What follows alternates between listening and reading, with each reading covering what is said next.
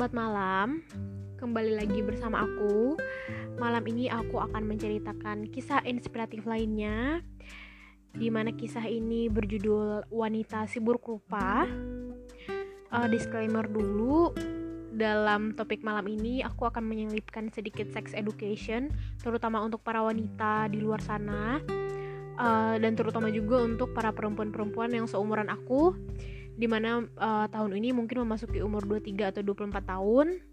Dan pastinya juga teman-teman lainnya juga ada beberapa yang udah nikah tapi belum tahu nih sebenarnya tentang sex education seperti itu. Jadi topiknya agak sedikit sensitif namun uh, aku yakin bahwa topik ini akan sangat bermanfaat bagi teman-teman di luar sana.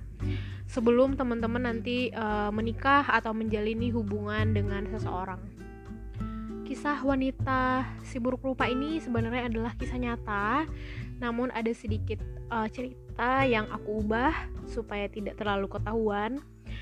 Jadi mengisahkan seorang wanita yang jatuh cinta terhadap seorang pria dan mereka pun uh, melangsungkan uh, pernikahan, kemudian mereka hidup bahagia hingga mereka punya tiga orang anak seperti itu. Kehidupan mereka dari awal pernikahan hingga akhir pernikahan pun uh, sangat harmonis tidak ada hal-hal ganjil yang terjadi ataupun perselingkuhan ataupun uh, masalah-masalah yang menimbulkan kecurigaan itu tuh tidak ada. Jadi pernikahan mereka sebenarnya sangat harmonis.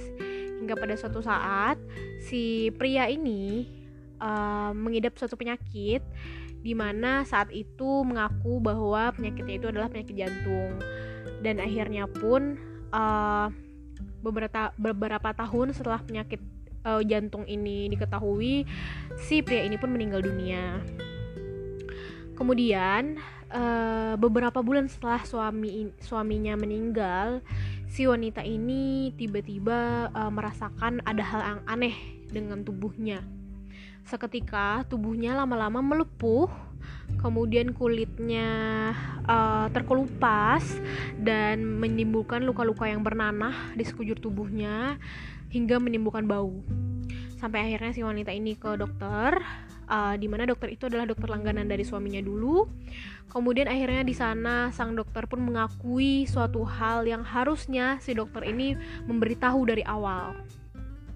Sang dokter pun berkata, "Ibu, Mohon maaf sebelumnya saya tidak mengatakan ini, namun saya rasa ini adalah waktu yang tepat untuk saya mengatakannya karena ini sudah uh, berdampak juga kepada kesehatan ibu. Sebetulnya suami ibu meninggal bukan karena penyakit jantung, tapi suami ibu meninggal akibat uh, HIV/AIDS seperti itu uh, langsung kaget lah si wanita ini karena dia merasa bahwa suaminya itu tidak pernah bermain di belakang dia, tidak pernah selingkuh, bahkan semua hubungan mereka saat itu uh, sangat harmonis dan si bapak ini atau si suaminya ini juga setiap malam itu tidur bersama dia seperti itu. Kemudian si dokter pun berkata, dia mohon maaf dia tidak mengatakan hal itu sebelumnya karena itu adalah permintaan pasiennya untuk dapat dirahasiakan sebelum si bapak ini meninggal seperti itu. Jadi seperti amanah lah untuk si dokter ini.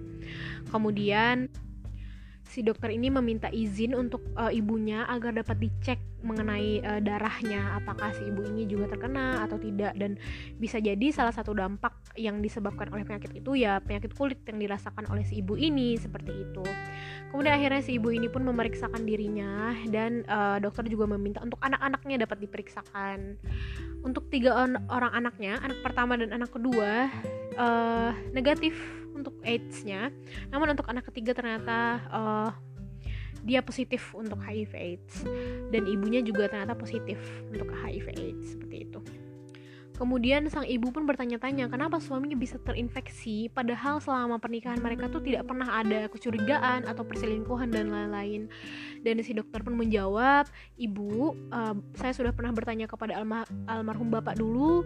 Ternyata almarhum bapak sebelum uh, menikah dengan ibu dia juga sudah pernah melakukan hubungan dengan perempuan lain seperti itu. Jadi kemungkinan terinfeksinya dari sana seperti itu. Dan sampai pada berita itu si ibu ini ya, langsung terpukul seperti itu. Nah, uh, untuk lanjutannya teman-teman bisa searching sendiri. Jadi ibu ini pernah masuk ke salah satu acara TV di mana ibu ini jadi narasumber dan sekarang ibu ini uh, sehat alhamdulillahnya. Namun sangat menginspiratif sekali masa-masa di mana ibu ini melawan penyakitnya ini. Nah yang ingin aku ambil dari cerita ini sebenarnya adalah bagaimana pentingnya teman-teman sebelum melakukan hubungan seks baik dengan suami teman-teman sendiri ataupun dengan orang lain siapa pun itu untuk mengecek dulu uh, bagaimana kesehatan si pasangan ini. Karena kita sebagai wanita termasuk rentan nih untuk terkena penyakit-penyakit terutama di penyakit kelamin yang bisa juga menyebabkan kanker serviks dan sebagainya Nah, setahu aku sekarang itu kalau semisalnya uh, sobat malam ingin menikah, sekarang sudah ada yang namanya pemeriksaan kesehatan dulu dari masing-masing individu. Kemudian pemeriksaan juga bagi rahim terutama untuk wanita dan untuk laki-lakinya juga apakah ada penyakit kelamin dan sebagainya. Nah, kalau semisalnya sobat malam memang uh, menjalani hubungan sebelum menikah, uh, aku sebenarnya tidak akan menyorot hal ini, cuman menurut aku angka baiknya juga teman-teman tetap memeriksa si uh, pasangan teman-teman ini seperti itu. Karena yang dimasukkan ke dalam tubuh kita itu adalah benda asing. Mau itu punya orang lain tapi tetap aja itu tuh benda asing seperti itu jadi uh, perlu difikirkan dulu secara matang-matang kemudian diusut dulu pasangan uh, sobat malam. Apakah dia juga pernah melakukan hal itu terhadap orang lain?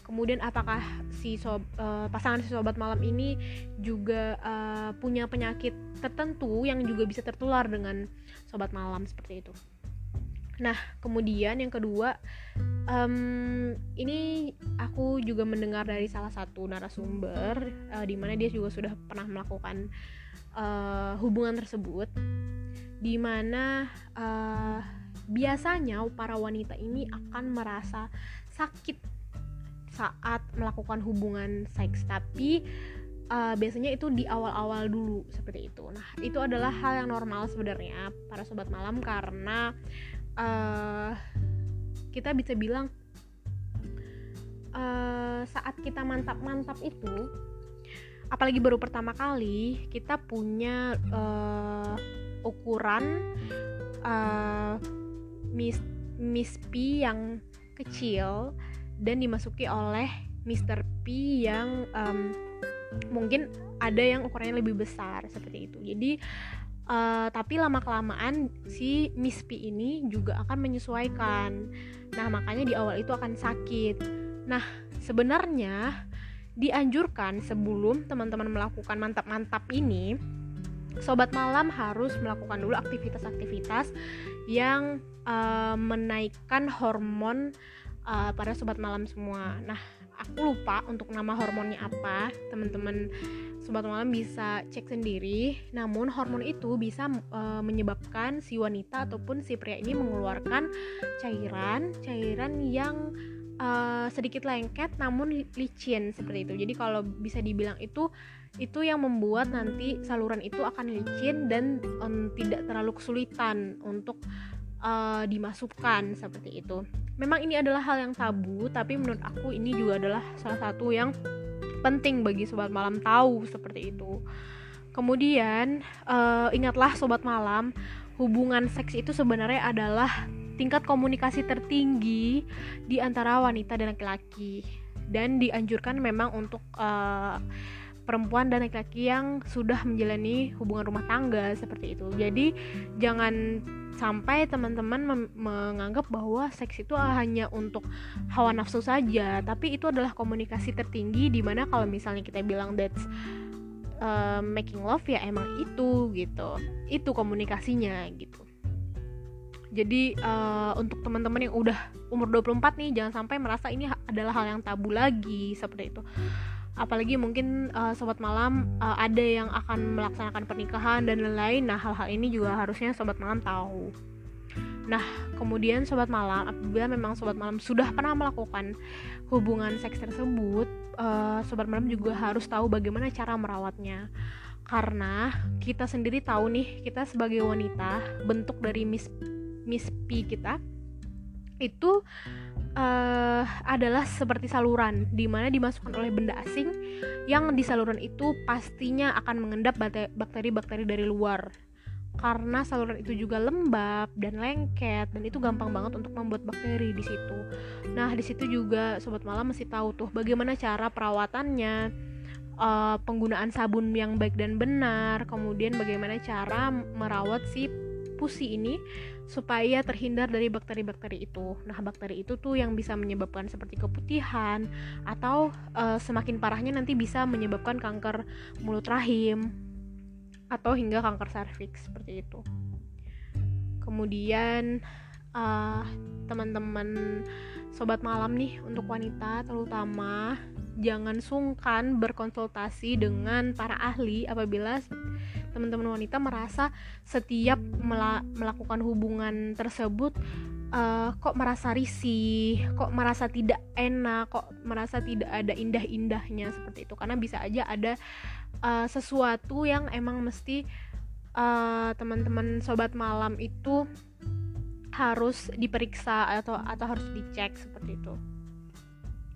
Nah, seperti kisah wanita si buruk rupa tadi, uh, kita bisa tahu bahwa kurangnya atau kurang concernnya si wanita ini terhadap uh, kesehatan atau penyakit yang dipunyai oleh si pria ini gitu. Atau mungkin memang dulu uh, sebelum nikah itu belum ada ya yang namanya pemeriksaan kesehatan dan lain-lain. Tapi setidaknya teman-teman harus mengetahui dulu pasangan teman-teman ini apakah pernah melakukan hubungan seks sebelumnya dengan orang lain atau tidak.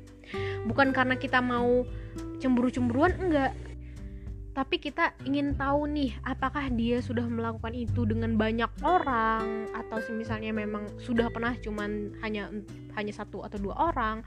Atau malah lebih bersyukur itu belum pernah sama sekali seperti itu. Karena bisa saja uh, satu dari antara orang itu ada yang terinfeksi seperti wanita yang sibuk lupa ini ternyata suaminya dulu pernah. Dan itu juga hanya sekali namun sekali yang sangat uh, merugikan seperti itu jadi kayak satu tapi sialnya dia dapat uh, penyakit itu dari si wanita itu. Sampai akhirnya dia menikah dengan istrinya dan dia baru mengetahui setelah anaknya sudah tiga. Seperti itu. Dan menurut aku penting sekali buat uh, wanita-wanita yang sudah berumur 23 ke atas untuk mengetahui tentang sex education ini gitu. Jadi uh, kita nggak cuma dapat uh, enaknya doang atau kita nggak cuma dapat risihnya doang, tapi kita juga tahu tuh apa sih yang bisa kita lakukan untuk uh, membuat um, hubungan ini lebih uh, sehat dan hubungannya itu juga lebih indah tentunya. Sekian uh, untuk podcast episode kedua ini nantikan untuk kisah-kisah berikutnya. Semoga dapat menginspirasi sobat malam semua. Bye bye, selamat malam.